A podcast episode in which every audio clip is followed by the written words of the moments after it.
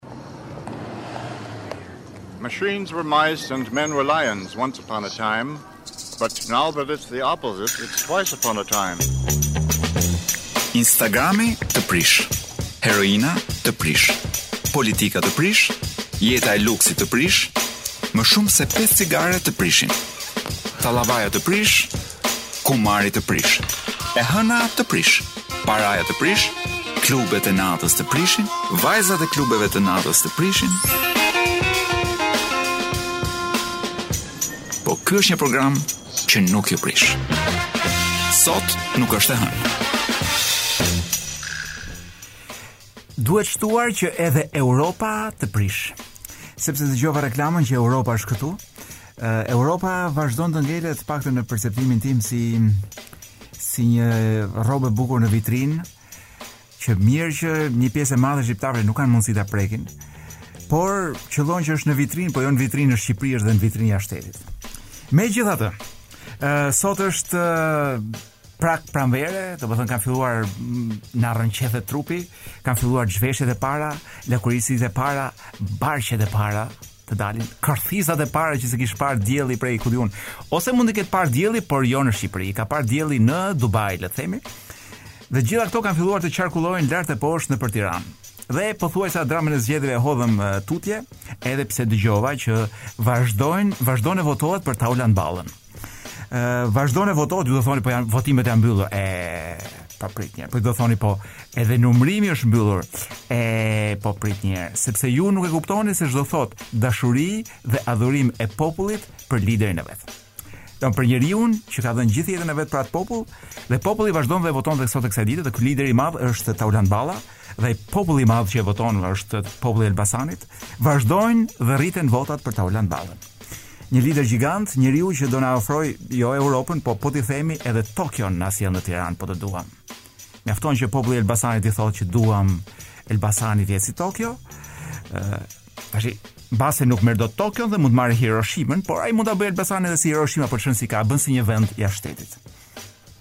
me energji kjo ditë që nuk është e hënë, ë uh, dhe për këtë energji kemi kemi bërë një përftim, një përthurje, një përplasje të dy brezave, është Miley Cyrus, ë uh, goca e vogël, nuk është më dhe aq e vogël, po po themi ajo që u rrit si gocë e vogël në vitet 2000 dhe u bë, ja ku është bërë si një zonjë vajzë, Edhe një xhaxha i vjetër që ishte i zbardhur që vaftit Billy Idol, të dy bashkë vijnë, domethënë, është Miley Cyrus po është diku aty lart. Është pak a shumë sikur themi Vin Veli featuring ku di unë Mentor Nazarko.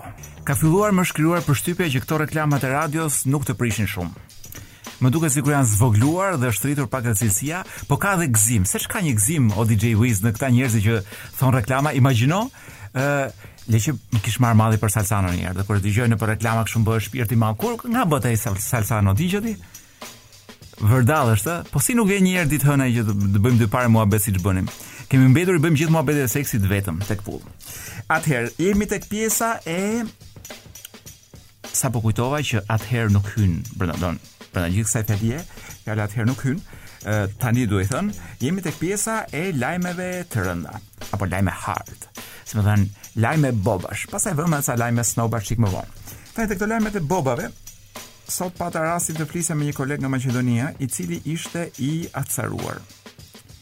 Ti do thua po Po ç'hall kanë këta maqedonasit që acarohen? Po ja, gjithë me halle jemi si rajon. Dhe ky kishte hallin që kishte, domethënë ishte marrë vesh në Maqedoni që shteti maqedonas i kishte blerë vaksina tek privati. Dhe more ti ishte bërë gjithë Maqedonia me rrënqethje. Nuk e mbanin dot këtë lajm të zi, thonë si guxojnë t'i blejnë tek privati ku gjithë bota e bën marrëveshjen shtet me kompani prodhimi. Dhe pse t'i blesh dhe ndër të tjera i blinin edhe me, ku di unë, nga 30 euro që bën vaksina, 10 euro, 20 euro i blinin me 60 euro kokrrën e vaksinës. Dhe m'u kujtua, ndërkohë që shikoja maqedonasit që acaroheshin për këtë gjë, u kujtova që neve të gjithë ne nuk dimë ku i kemi blerë ne vaksinat tona. Ë, uh, një herë u tha për një turk, Ça është një nga? Ke parasysh DJ Wiz këta çuna që dalin me parfume kështu nëpër lokale të thotë a do një parfum. Kupton ti nuk kupton ku ky njeriu domethënë që ka këpucët si të ngrëna. Lodhet punon i shkreti, po ku i ke gjetur këto parfume high class dhe ku i ke mbushur? Kështu ne gjetëm një turk i cili na dha ku di unë nja 300 mijë, s'mbaj mend sa ishin ato vaksina turke, që s'ishin as turke sepse ishin kineze. Dhe jam shumë kurioz s'e di, a u mor vesh se sa i kishin blerë? Sa ia morëm atij turkut, ishte dorë e parë, e dytë, e tretë, e katërt apo e pestë, sepse shqiptarët e kanë treguar që mund të blejnë dhe dorë të dhjetë. Ku çmimi 15 euro i vaksinës mund të shkojë edhe 150 euro. Kështu pra kjo puna e Maqedonisë, edhe m'u dukën shumë budallenj që filluan të shqetësoheshin për faktin që me paratë e tyre shteti po bënte ca blerje që janë imorale. Këta maqedonasit shqetësohen kot. Lajmi i dytë i rëndë i javës, ë i rëndë në kuptimin e peshës, është ikja e simpatikut Fred Lela nga Ora News. Fred Lela që bën emisionin Politikon, nga emisionet çuditërisht më të qeta në televizionin shqiptar, ku në përgjithësi njeriu sa ndez pret kur do vijë momenti i grushtit, i boksit, i gjuajtjes me shishe, me këpucë, me ku di unë, me lloj lloj fjalësh Tek Lela ishte qetë, domethënë ti prit sherr s'ka, prit sherr s'ka, a s'vinte sherri kurrë. Kurrë domethënë. Dhe gjithë këtë gjithë këtë alamet Lele e kanë hequr, domethënë nuk do ia rinovojnë me sa duket emisionin për sezonin që vjen. Dhe thashethemet thonë që kumbar për këtë prishje qejfesh na qenka vetë Zoti Luli. Kur thotë edhe zonja Kim. Zoti Luli na paskësh ndërhyrë te Zoti Ylli për të hequr Zotin Lela nga emisioni. Tani e para që dhe me sa mora vesh që është lajm pothuajse i sigurt. Sepse dikujt nga gjithë këta këtu i kishte shpëtuar vërdall që e, zoti Luli do ta heqi zotin Lela nga emisioni. Tani e para që do të heqë dikush që nuk është as kryeministër, duket shqetësuese në Shqipëri. Sepse në Shqipëri të drejtën për të hequr gazetarë e ka vetëm kryeministri. Dhe pyetja tjetër shqetësuese është po ç'i duhet zotit Luli? Për shembull pse shqetësohet zoti Luli për uh, emisionin e zotit Lela, kush i vjen? Për çfarë flasin? Domethënë, unë vetë po të isha si zoti Luli nuk do shihja televizor. Do shihja vetëm Teletubbies për t'u relaksuar. Uh, por ajo që me sa duket zoti Luli sheh televizor dhe shqetësohet nga të ftuarit e zotit Lela, në emisionin e tij Politikon, në ish emisionin e tij Politikon. E, dhe ndoshta ka dhe të drejtë, sepse sot Lela fton armiqtë e Zotit Luli nga PD-ja, për shembull ata që duan ta heqin nga pozicioni. Po nesër ku i dihet kë fton Zoti Lela? Ja ftoi po themi ku di unë. Ja ftoi në emision bojaxhinjtë që i kanë lyer keq shtëpinë Zotit Luli. Ja ftoi ndonjë shok klase. i cili ia ka kaluar me nota zotit Luli, po ndoshta s'i ka pas të merituara notat. Po ja sikur Lela të ftojë në emision bojaxhiun. Ba bojaxhiun e thamë po ku di unë çfarë. Berberin. E, po sikur të ftojë berberin që ka qethur jo fort mirë zotin Luli. Ku do shkojë kjo botë? Prandaj mirë ia bënë zotit Lela që e hoqën. Domethënë, një heqje spektakulare ë që s'ishte parë prej kohësh. Dhe vras mendjen nëse zoti Ndroqi në këtë rast, Apo mos do ta thërras për së shkurtri zoti Ylli. Do nxjerrë siç nxorri dikur mesazhet e zotit Lali, ë që kërkonte të hiqte Beti Njumën, a thua vallë do na nxjerrë një ditë edhe mesazhet e zotit Luli, i cili kërkon të zhduket zoti Lela nga ekranet? Po zotin Lela nuk do ta zhdukin kurrë, se zoti Lela është dhe ka qenë në zemrat tona, sidomos me fotot e tij lakuriq. Domethënë nuk mund ta heqësh dot nga mendja. Herë pas here Ë kur kam ndonjë orar dhe dua të zgjohem herët, kujtoj zotin Lela dhe nuk më zë gjumi. Domethënë fare. E kaloj gjithë natën zgjuar. Kujtoj Lelën, domethënë, me gjethen e fikut përpara. Dhe për ta mbyllur me këto lajme të rënda, një rast tragjik në Shkodër, një 10 vjeçar që u vetëvra duke realizuar një video për TikTok. Dhe këtu dhe kjo gjithashtu për për çështje ndërgjegjësimi sepse kanë vë re baballarë nga 50 dhe 60 vjeç ku di unë, nga këta që kanë bërë kalamaj të vjetër, janë 70 vjeç vetë, po fëmijën e kanë ja 5 vjeç apo 9 vjeç, të cilët vdesin për të bërë video TikToku me kalamajt. Pra i ndajnë 100 breza me njëri tjetrin, po vetëm kur shef babain e madh në moshë me kalamanin e vogël në moshë që bëjnë video TikToku. Edhe babai që mburret, sa i zgjuar që është ky imi. Domethënë vetëm ai i tij është i zgjuar, domethënë edhe di të përdorë TikTokun. Dhe gjithë ata kalamaj që juve po i mësoni me TikTok ja ku përfundojnë pastaj që bëjnë ca sporte që nuk u lejohet kalamajve dhe ky i ndjeri paska tentuar të bëjë ku di unë një, një video për për TikTok. Nejse, shumë tragjike është, por uh, uh, unë nuk do kisha, domethënë t'i besosh TikTok-un një fëmije, 9 apo 10 vjeç apo 11 deri 14 vjeç të paktën, është si t'i besosh ku di unë pistoletën e mbushur ë uh, ku di unë DJ Wizit. Ia beson dot? Nuk ia beson dot. Sepse del në mes të klubit duke shtirë përpjetë në orën 12 nga qejfi. Ë tani do të merremi pak me gjërat e botës. Çfarë ndodh nëpër botë? Gjëja që më ka bërë përshtypje duke parë këto tendencat botërore është diçka që nuk di si ta përkthej në shqip. Ë jo vetëm nuk di si ta përkthej, po dhe më vjen pak zor të flas për të. Është ka të bëjë me atë gjë që fillon me B. ose me p. Do varet se nga, do varet se si e ke përdorimin. Por le të themi që ka të bëjë me me me ngrohjen diellore të pjesës që nuk e sheh kurrë dielli. Si ta them? Me fjalë të tjera, të ngrohësh ë byçën në diell. Ju do thoni që shqiptarët njihen e kanë edhe si shprehje, ta ngrohësh në diell. Por kjo është nuk është ngrohje, ky është rrezatim i drejtpërdrejtë në vendin më delikat të njeriut, ose për mua të paktën është vendi më delikat i njeriut, por jo për të gjithë.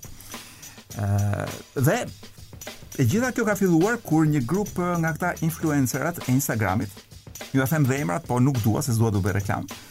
Filluan të botonin postime që tregonin se si ë uh, Ajo si si ta themi me elegancë more DJ Wiz që edhe publiku mos ofendohet, po ta themi atë që duam të themi. Si i thonë vrimës së byçës korçarët? Vrimthi? Jo. Ë rënca, jo noçka, jo kocka, jo. Nuk e di si si i thonë. Se ata korçarët seç kanë ca forma që fjalën më të ndyrë e bëjnë kështu përkëdhelin e bëjnë kështu që të duket ty një fjalë fare normale. Nejse ajo po themi rrotulla e zezë e byçës, sipas këtyre, Në qoftë se nxirret në diell dhe me demek mjaftokan 30 sekonda rrezatim diellor, pra në vrimën tuaj të byçës, dhe kjo është njëlloj sikur të kesh marrë gjithë ditën rreze dielli në trup, edhe i veshur madje me rroba. Dhe që atëherë doli një modë që ngrinin dhe vazhdon akoma ky lloj trendi, Që dalin këta njerëzit, ë gjejnë ca vende sigurisht vende të vetmuara. Tani po tani po kuptoj se ç'bënte komshiu im që është mbi 50 vjeç vitin e kaluar. Po eksperimentonte me këto lloj nxem, nxemjesh në diell. Pra, këta njerëzit mblidhen në një vend me diell, preferojnë të jetë vend i izoluar, ngrejnë zhvishen komplet, ngrejnë këmbët përpjetë Dhe si me thënë shihen sy më sy me diellin. Domethënë vrimat e zeza të diellit dhe vrimat e zeza të njerëzve. Domethënë ka një moment që shihen me njëra-tjetrën, ç'të them, është gjë e tmerrshme, kam edhe foto këtu përpara.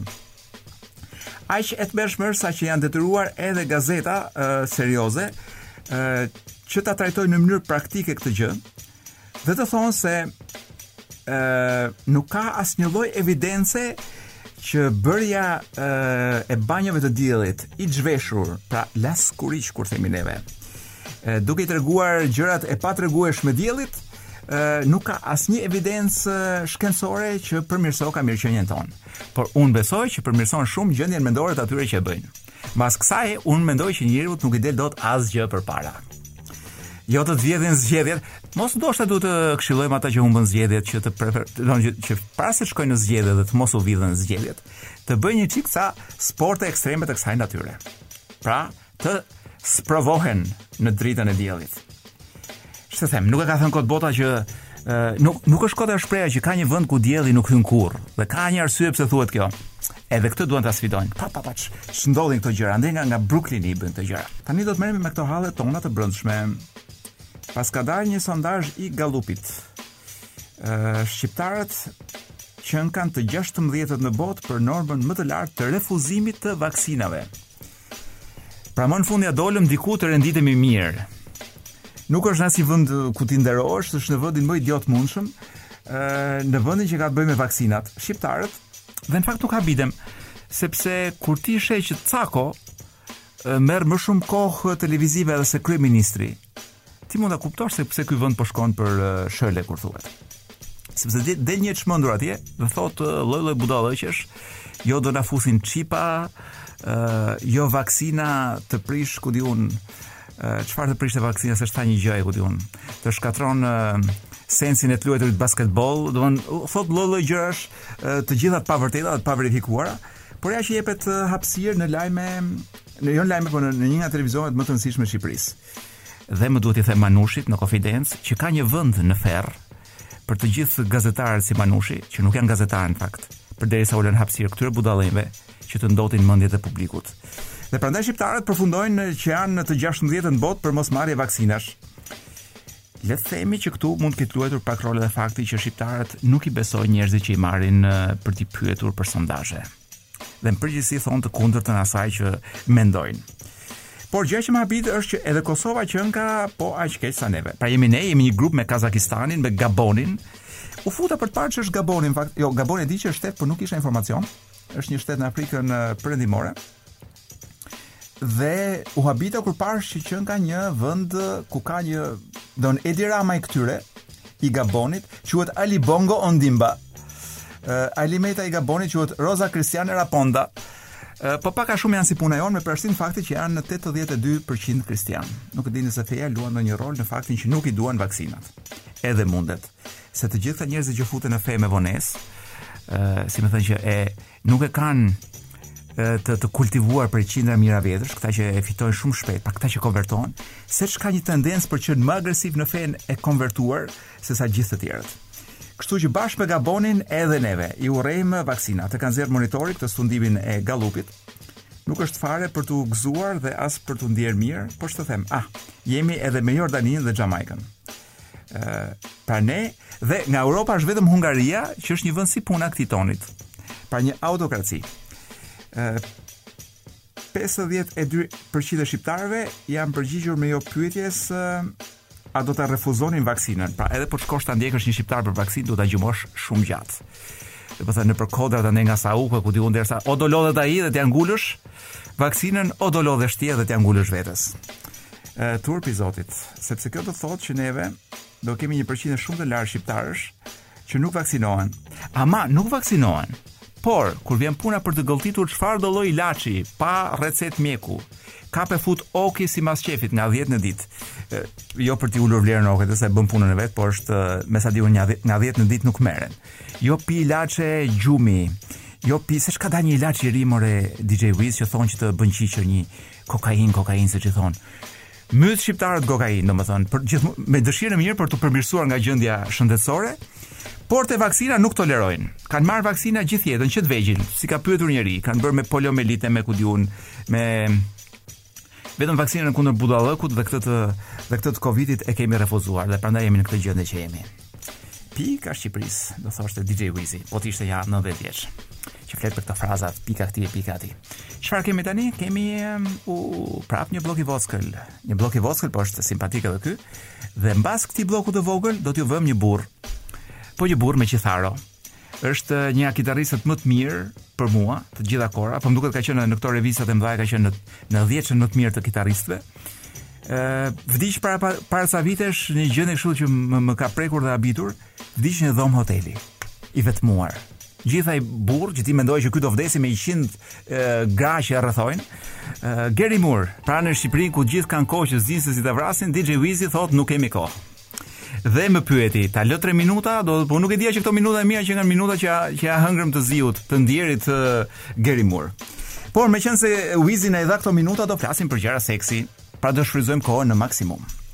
Ë sporti i një po një sport i detyrueshëm ky prej pandemisë është është një fenomen që ka shpërthyer, sidomos pra sport e quajta unë, që ka shpërthyer ë uh, sidomos në 2020-ën.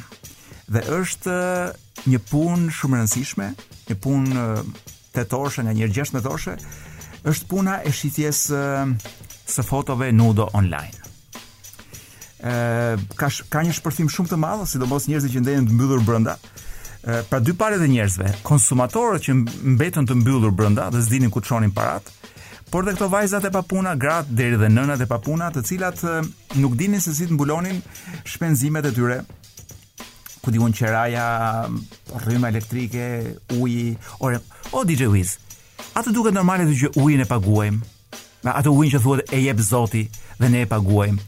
Kur gjysma e Europës e ka pa lek ujin. Ne jemi me 80% ujë, me 100% hashash, domethënë shikosh, dhe ne edhe hashashin me lek edhe ujin me lek. Një vend, ç'të them, po le të flasim për këto gratë që shesin veten e tyre, shesin veten e tyre. Janë foto artistike sipas tyre dhe websajti më i famshëm në këtë sport që unë po përmend është një farë websajti që quhet OnlyFans. Në fakt është një social media platform, platformë media sociale ku ti mund të nxjerrësh fotot e tua nudo dhe gjithë të tjerët t'i shohin dhe mund të të japin edhe pagesë pra për t'i parë ose mund të të japin edhe bakshishe. Ë ka një 90 milion ja ta lexoj tamam. Po, është themeluar në 2016-ën dhe në dhjetorin e vitit që kaloi kishte 90 milion përdorues. e, shumica, pjesa më e madhe e tyre të ardhur gjatë pandemisë. Pra në 2019 kishte 120.000 anëtarë, 90 milion në 2020-ën. Pra gjithë njerëz që donin, oh, bo, bo, bo, bo, s'i tregojmë gjithë ato gjëra që duhet të tregojë DJ Wiz. Po thotë bjeri shkurt thotë. Nëse, do po mund të flasim çik më vonë pra për këtë për këtë sportin e grave që dalin te ky OnlyFans, edhe kemi edhe një këtu në radio. që është futur te ky website-i. Është një çun. Bën një emision në të njëjtin orar si mua, por nuk e them dot se cili është, nga ata që janë nga e marta deri të premten kur janë. Njëri prej tyre ka tentuar, është futur në në OnlyFans, ka nxjerr fotot e veta nudo dhe ia boshatisi website-in atyre. Do të pati një rënie drastike të grave, por një rritje të madhe të meshkujve dhe të moshave mbi 70 vjeç. Çfarë kemi tani? Ju po dëgjoni sot nuk është e hënë në Top Albania Radio. Ora për ata që janë kurioz për orën dhe kanë qëlluar dhe pa sahat në dorë është 19 e 10 minuta me orën e Tiranës.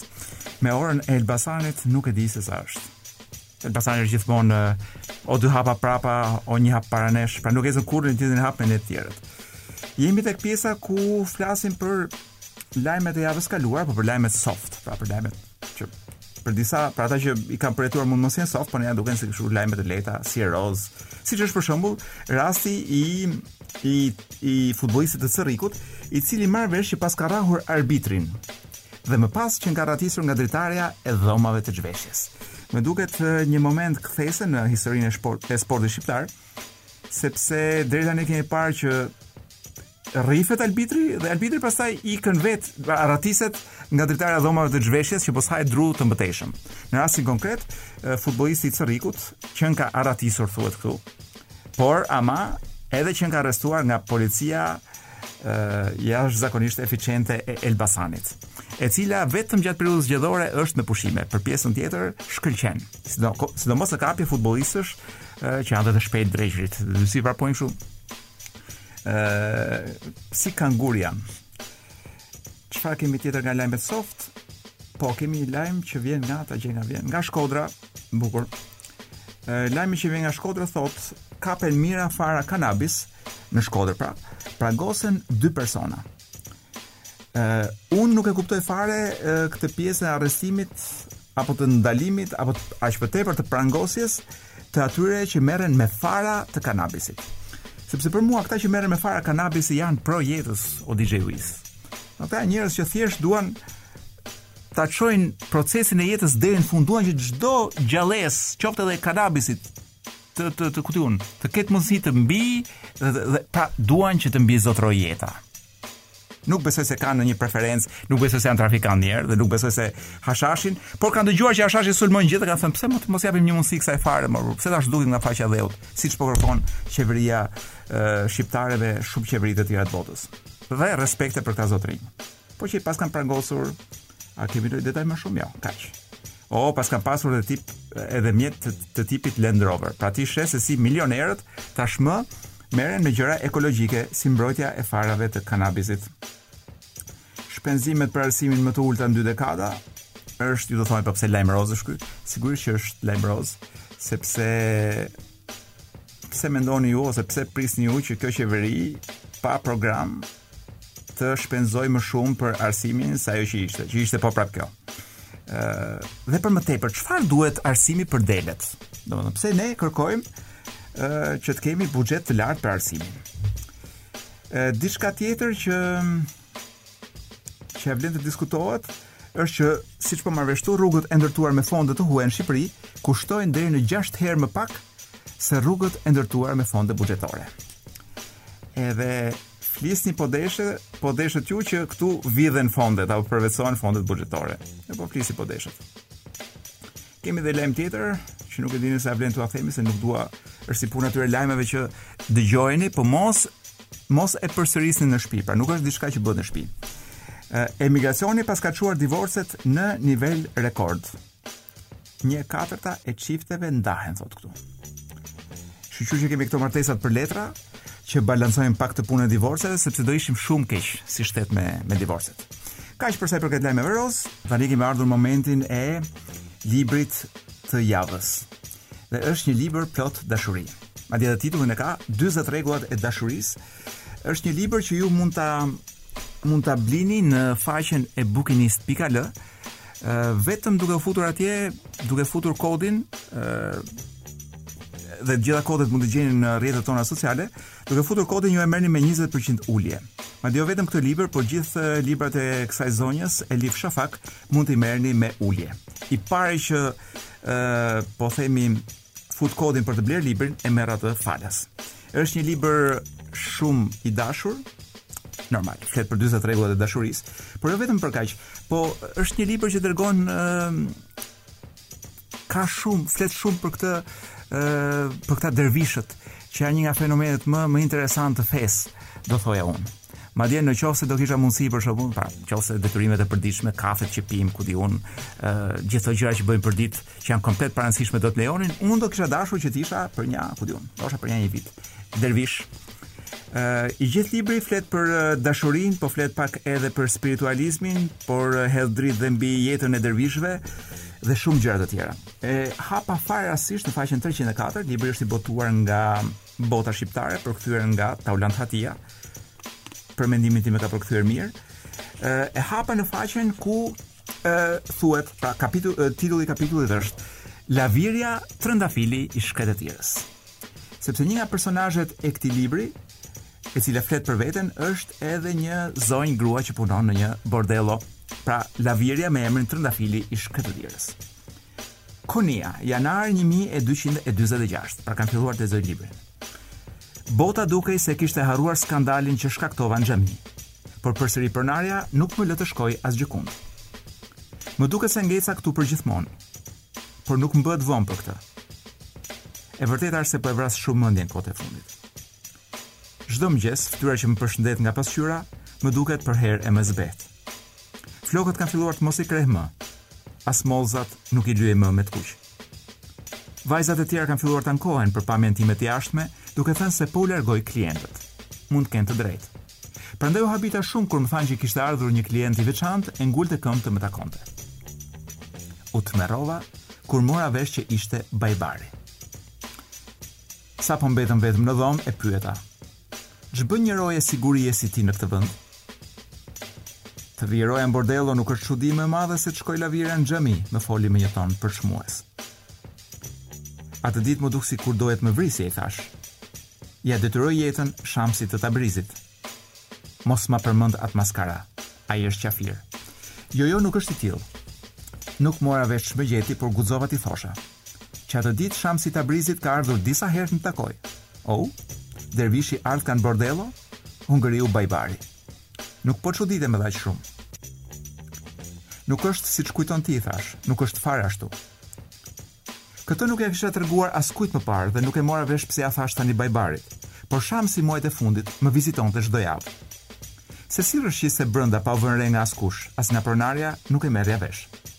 Dikush mund të mendonte se i vinte në ndihmë magjia e zezë, por unë e dija që nuk ishte ashtu. Shamsi qe njeri i mirë, njeri me besim. Sigurisht kishte talente të veçanta. Përveç mamasë, qysh në fëmijëri, Shamsi ishte njeriu i vetëm që më trajtonte me dhembshuri. Më mësoi të mos dëshpërohesha, pavarësisht se çfarë ndodhte. Sa herë i thosha që dikush si unë nuk mund ta fshinte kurrë të shkuarën, më kujtonte një nga rregullat e tij. E shkuara është thjesht interpretim. E ardhmja është iluzion. Bota nuk lëviz në kohë sipas një vije të drejtë, duke ecur nga e shkuara drejt së ardhmes. Koha lëviz brenda nesh sipas spiraleve të pafundme. Përjetësi nuk do të thotë pafundësi në kohë, por thjesht mungesë kohe. Nëse do të përjetosh ndriçimin e përjetshëm, hiqe nga mendja të shkuarën, edhe të ardhmen dhe qëndro në çastin e të tashmes.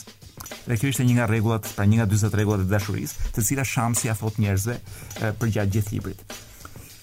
Më tej Shamsi gjithnjë më thoshte se çasti i të tashmes është i vetmi që ekziston dhe që do të ekzistojë. Kur ta kapja këtë të vërtetë, nuk kisha pse të ndihesha më e frikësuar. Më thoshte se atëherë mund të largohesha nga bordelloja një herë e mirë.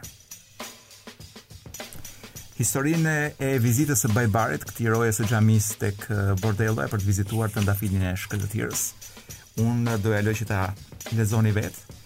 Mbasi të keni marrë librin 40 rregullat e dashurisë nga Elif Shafak, që është me sa di unë shkrimtarja më e lexuar turke. Edhe pse është e, është turkesh, po e lindur në ku di unë, në Francë, më duket se në Strasburg. Pra turko-franceze. Sot nuk është e hënë dhe nuk është e vërtetë që vetëm shqiponja fluturon, se nuk keni parë DJ Wizin kur lëshohet për pushime andej nga Dhërmiu. Megjithëse kam dëgjuar që ka filluar e dredh shkon edhe në Palasë. Dhe si mund ta bëjë DJ Wizi këtë gjë që të gjendet në dy vende njëkohësisht, duke fluturuar pra. Mjetin e fluturimit nuk e themi sepse është për momentin ilegal në Shqipëri. Do të merremi me me me me me me me me me një gjë që u shqetëson shumë juve. Meqenëse kalojmë të gjithë një periudhë depresioni, jo vetëm si komb, po gjithë globi është në mënyrë masive depresion, ka një formulë që thonë që është shumë e suksesshme për ta për ta mposhtur atë. Dhe jo vetëm kaq po për të fituar përqendrim, ku di unë, për të për të rritur dhe për të shtuar fuqinë seksuale etj etj. Dhe kjo gjë është gatimi. Gatimi, sidomos për për një grup njerëzish është është diçka që o i tremb o e urrejnë. Po kryesisht besoj kjo ndodh sepse nuk e kanë provuar kurrë atë. Atëherë po lexoja një artikull të gjatë në lidhje me se pse gatimi mund të zëvendësojë edhe meditimin. Për të gjithë ju që pretendoni që s'keni nerva, që nuk dini, që keni frikë të uleni këmbëkryq për të medituar sepse nuk dini kush ju vjen nga pas etj etj. Ndoshta mund ta zëvendësoni me anë të gatimit. Ky personi që ka shkruar këtë artikullin e gjatë thotë, ë, madje sjell një një dialog që thuhet që është dialog i i mjeshtrave zen. Dishepulli i thotë mjeshtrit, mjeshtër kam 5 vjet thotë në këtë manastir dhe akoma nuk e di se çfarë është zeni. A mund ma thuash? Dhe mjeshtri zen i thotë, zeni është të bërit e një gjëje një herë. Pra të mos bësh shtatëqind gjëra njëkohësisht, siç po bën DJ Wizi që këtej ka uh, telekomandën e kondicionerit, aty ka pultin e regjisë, aty i ka ardhur një shok dhe bën muhabet, ndërkohë që me dorën tjetër shkruan një mesazh pra gjithë këto gjëra që bën DJ Wizi me aftësitë e veta dhe me talentet e mëdha të vetat, sipas mjeshtrave zen nuk duhen bërë, sepse gjitha kjo është Jo vetëm shumë stresuese, por praktikisht ti nuk je duke bërë asnjëra nga ato gjërat. Atëherë, uh, DJ Wiz, më ndiq këtu se e kam me ty këtë radhë, ashtë, doan, o e bëj Wizin unë të gatuaj, o s'ka. Do të të mësoj, do të, do të tregoj radhën e gjërave që duhet bërë për të kavërdisur një hudhër. Sepse dhe mund ta fillosh me hudhrën, sepse mjafton t'i bësh gjërat një nga një dhe do kuptosh që është një relaks i jashtëzakonshëm dhe do fitosh paqen e brendshme. Atëherë, radha e gjërave për të skuqur hudhër, për, për ta kavërdisur. Ndiz sobën. Veprimi i parë. Duhet të them që DJ Wizi ndërkohë ka hedhur celularin ose ia kemi mbyllur me zor në një kasafortë që të mos ketë mundësi ta marrë. Ndiz sobën. Pastaj merr uh, tiganin dhe e vë në sobë. Pastaj gjen lugën e përshtatshme për të kryer këtë procedurë. Merr shishën e vajit. Hedh dy pika vaj në lugë dhe mat dy lugë, pra mat dy lugë dhe i hedh në në tigan. Nxjerr atë dërrasën ku do presësh hudhrën. Pastaj nxjerr thikën me të cilën do presësh hudhrën. E ke mendjen, ma ku je? DJ Wiz, ku jemi këtu? Ku kemi arritur? E mban mend? E, nuk e, pra kemi nxjerrë thikën. Po, fillon dhe pret hudhrën në hudhrën në feta të holla. Nga një prerje një herë. Jo 10 prerje njëkohësisht. Pastaj hudhrën e prerë e hedhim në tigan. Pastaj do vëmë zilen për 5 minuta, sepse unë nuk të besoj dot ty që ti, ti mund ta gjesh me sy nëse u skuq apo jo. Dhe pastaj merr lugën e drurit. E përzien herë mbas here hudhrën, duke mos ia ndarë sytë, dhe duke menduar vetëm për hudhrën, jo për gjithë hudhrat e tjera të jetës tënde, se e di që ke kaluar ca hudhra nëpër duar. Edhe shumë, si kryesisht gjatë verës, se pjesën tjetër të kohës je në punë. Dhe mbasi e ke bërë këtë gjënë, do bjerë zilja dhe do shohësh që hudhra është skuqur. Ti do thua e ç'fituam, fituam vetëm një një hudhër të kavërdisur. Jo. Fitove qetësinë e mendjes. Ishte njëlloj sikur bëje një 2 orë yoga, edhe sikur të, ku di unë, paguaje një 40000 lekë në javë. Sepse shumë njerëz thonë që të gatuarit është një nga gjërat më relaksuese në këtë periudhë të vështirë. Ju ftoj që ta bëni duke nisur me mësimin që mori DJ Wizi sot, skuqjen, kavërdisjen e hudhrës. Ashtu dhe. Tani çfarë kemi? Kemi në radhë. Në radhë kemi një këngë. Është e kemi shkëputur nga viti 1984. Është një grup pothuajse i harruar tani, po kjo kënga se e ka kënduar dhe Nouvelle Vague më vonë, është një këngë e jashtëzakonshme. Është një mënyrë të thëni. In a manner of speaking në Top Albania Radio.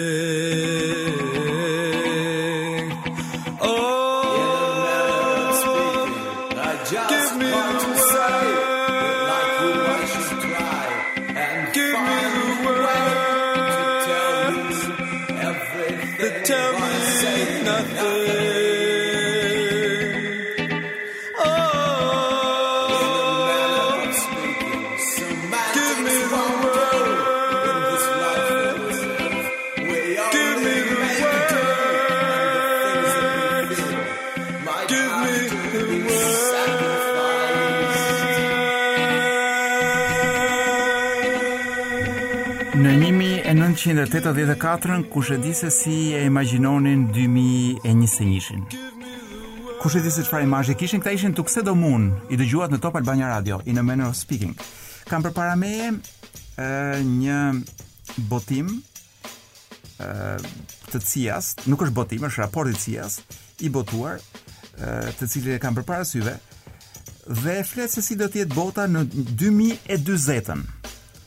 Me sa po kuptoj unë, CIA paska një lloj kulture, pra një lloj tradite, që vazhdimisht çdo 4 vjet nxjerr një parashikim global të gjithë botës se ç'do ndodhë mas 20 vjetësh. Sepse kuptohet përpiqet të japë disa direktiva se çfarë mund të ndodhë, pra që amerikanët dhe shteti amerikan të mund të përgatitet 20 vjet përpara se çfarë mund të vijë, pra të fillojë planifikimin. Ia thoni pak kryeministrit këtë gjë që këto vendet e tjera parashikojnë sot mas 20 vitesh dhe jo sot mas 20 minutash, siç ndodh në përgjithësi me qeverinë shqiptare. Dhe kam përpara këtë raportin i cili bën një përshkrim të botës se si do jetë mas 20 vjetësh, po themi 2041-shin. Ëh, sigurisht që kjo pandemia, kriza e madhe e shëndetit që kemi kaluar, ëh, ka pasur ndikimin e vet te ky raport. Ata që bëjnë raportin nuk kanë mundur që të mblidhen. Dhe jo vetëm kaq, por nuk kanë mundur, siç thuhet këtu, edhe të fantazojnë shumë, do thoja unë. Ë nuk kanë mundur pra të bëjnë parashikime fantastiko-shkencore, kanë qenë shumë praktikë në gjëra që mund ndodhin dhe unë po jua përshkruaj një nga një. Çfarë kemi këtu? Një nga gjërat që pritet të ndodhë është kjo puna e klimës, ndryshimet e klimës, pavarësisht se ç'mund thotë Cako apo të çmendur të tjerë nëpër televizione. Megjithëse nuk e kam marrë vesh në fakt se cilat janë qëndrimet e Cakos për klimën, dhe do doja që ndërmjet një druri dhe tjetrit të kishte mundësi të fliste diçka edhe për klimën. Por që ai do rrahur dy herë në ditë, paktën do rrahur në mënyrë që të mos helmojë mendjet e njerëzve me budallëqet e veta. Ë gjëja që pritet të ndodhë mbas ndryshimeve klimatike është që do kemi një forcim të madh të garës, të kompetitivitetit. Do kemi jostabilitet, ë pakënaqësira dhe mosmarrëveshje politike në rang global dhe sidomos një dobësim të përgatitjeve ushtarake. brenda secilit vend, por edhe ndërmjet vendeve. Do kemi forma të reja të terrorizmit thuhet këtu. Forma të, të cilat do të vihen re sidomos në Amerikën e Jugut, në Amerikën e Veriut dhe në Europë. Dhe këto do jenë forma të terrorizmit politik. Sipas CIA-s, njerëzit do të përpiqen që të rifitojnë një sens të sigurisë. Dhe çfarë do bëjnë? Do bashkohen në grupe fetare, etnike dhe kulturale. Do marrin shkopinj, hunj edhe sfurqe dhe çfarë të kenë, dhe do hyjnë të gjithë të tjerëve në dru, atyre që s'janë si ata. Siç jam unë për shembull që duhet t'i hyj në dru Cakos me të padrejtë, sepse është zotni burrë, por kur nuk flet dhe kur nuk është në televizor, po kur del në ekran dhe lëshon ato gjërat e veta të çmendura, unë mendoj që Kemi arritur në pikën ku e vetmja punë që bën derman është druri. Po shfletoj akoma raportin e CIA-s. Një gjë tjetër që do ndodhë është kjo puna e monedhave kripto. Ë, madje kjo është një nga pikat e vetme ku e ardhmja duket pak si pozitive, optimiste, zhvillimi i kriptos, i cili do të decentralizojë sistemin bankar dhe do krijojë potenciale ekonomike shumë të mëdha këtu. Do të kemi edhe tentativat për të pushtuar hapësirën. Do ketë një shtrirje të madhe të këtyre tentativave, do ketë shumë vende që do marrin pjesë në të, sigurisht jo Shqipëria. Sepse qëllimi është që duke kapur hapësirën të mund të shpëtojmë planetin, por dhe të kemi përmirësime të mëdha ekonomike. Pra ky eksplorim i intensifikuar i hapësirës do të përmirësohet sipas raportit të CIA-s, do të ulë dhe për shkak të këtij përmirësimi do të kemi një ulje të komunikimit, navigimit edhe produkteve që kanë lidhje me satelitët. Do kemi rritje të artifici të inteligjencës artificiale. ë Kështu që do kemi gjithnjë më tepër robotë, mua do më vënë në vend të DJ Wizit ndonjë, ku di unë se çfarë. Do preferoja roboteshë në fakt. Thjesht sa për një variacion kështu. ë Çfarë kemi tjetër? Do kemi ndarje të mëdha sociale, do kemi thyerje të identiteteve të njerëzve edhe të grupimeve të ndryshme, çfarë do të bëjë që gjëja më e rëndësishme që do të bëmë në shkuarën është që nuk do kemi besim. Nuk do kemi besim tek njëri-tjetri. Besimi social do të vijë në rënie për të mos thënë që do të zhduket. Pra nuk do jenë resurset që do mungojnë, pra nuk është se do mungojë uji, vaji, ku di unë kamomila, nuk e di se çfarë, jo. do mungojë besimi. Gjë që do jetë me pakicë, do jetë besimi social. Megjithatë, siç ju thashë, e gjitha kjo është për shkak të çështjes së Covidit. I gjithë ky raport është bërë në distancë dhe kokat e mëdha të CIA-s nuk kanë pasur mundësi që të bënin konsultime kokë më kokë, pra, edhe të na jepnin diçka më kështu fantastiko-shkencore. Pra nuk ka shumë imagjinatë brenda si raport, por idenë e asaj çfarë na pret e jep. Po ku duam të dalim neve. Ju keni dëgjuar për 2 orë, sot nuk është e hënë në Top Albania Radio. Një nga gjërat më të veçanta që kemi folur është tendenca për nxirje të një pjese që është që nuk e di si është, kam idenë që është nxirë vetë, po s'prish punë, ë që ishte tendenca e kthimit të mollaqeve drejt diellit në mënyrë që vrimat e zeza te njeriu të shohin vrimat e zeza të diellit. Arsyeja pse po e përsëris është kjo, po sepse po e përsëris është kjo sepse ndërkohë që unë kërkoja materiale për këtë fenomen kundër kultural, le ta quajmë. Ë uh, tani kanë filluar më vijnë reklama, pra brenda 2 orësh, kanë filluar dhe më vijnë reklama me zbardhues. Po çfarë zbardhuesi? Zbardhues të mollaqeve. Unë nuk e dija që paska produkte të tilla që ti mund t'i përdorësh për të zbardhur mollaqet ose pjesë të tjera të trupit. Kam dëgjuar që ka e, disa popullata në botë që nuk janë shumë të lumtura me ngjyrën e tyre të zbetë apo të errët dhe duan t'i ngjajnë të bardhëve. Unë do doja të kundërtën në fakt, që t'i ngjaja sa më pak të bardhëve, me gjithë ato tmerre që po prodhojnë. Dhe ja ku e pashë me sytë e mi produktin zbardhues të trupit. Dhe e gjitha kjo se bëra një kërkim të vogël. Imagjino po të bëja ndonjë gjë më shumë, DJ Wiz. Ç'do të ndodhte? Ne do të ndahemi duke ju lëshuar juve një një këngë, një perël, një këngë që kur e kam dëgjuar për herë të parë më vinte pak si turp, se më vinte çik si kshu, si nga këto këngë që unë mendoja që nuk i kam qejf. Por kur e dëgjon nja 3-4 herë, të hyp ajo ndjesia e rushës mira në trup, edhe ke dëshirë vetëm të hidhesh përpjet ë uh, ku di unë të këndosh, të kërcesh, të hipësh majë tavolinave, t'i biesh, t'i biesh dajres, të nxjerrësh kërthizën jashtë, ku di unë, të gjitha ato gjëra që bëhen në të tilla raste. Bashkë dëgjohemi mbas një jave kur prapë nuk do të jetë e hënë.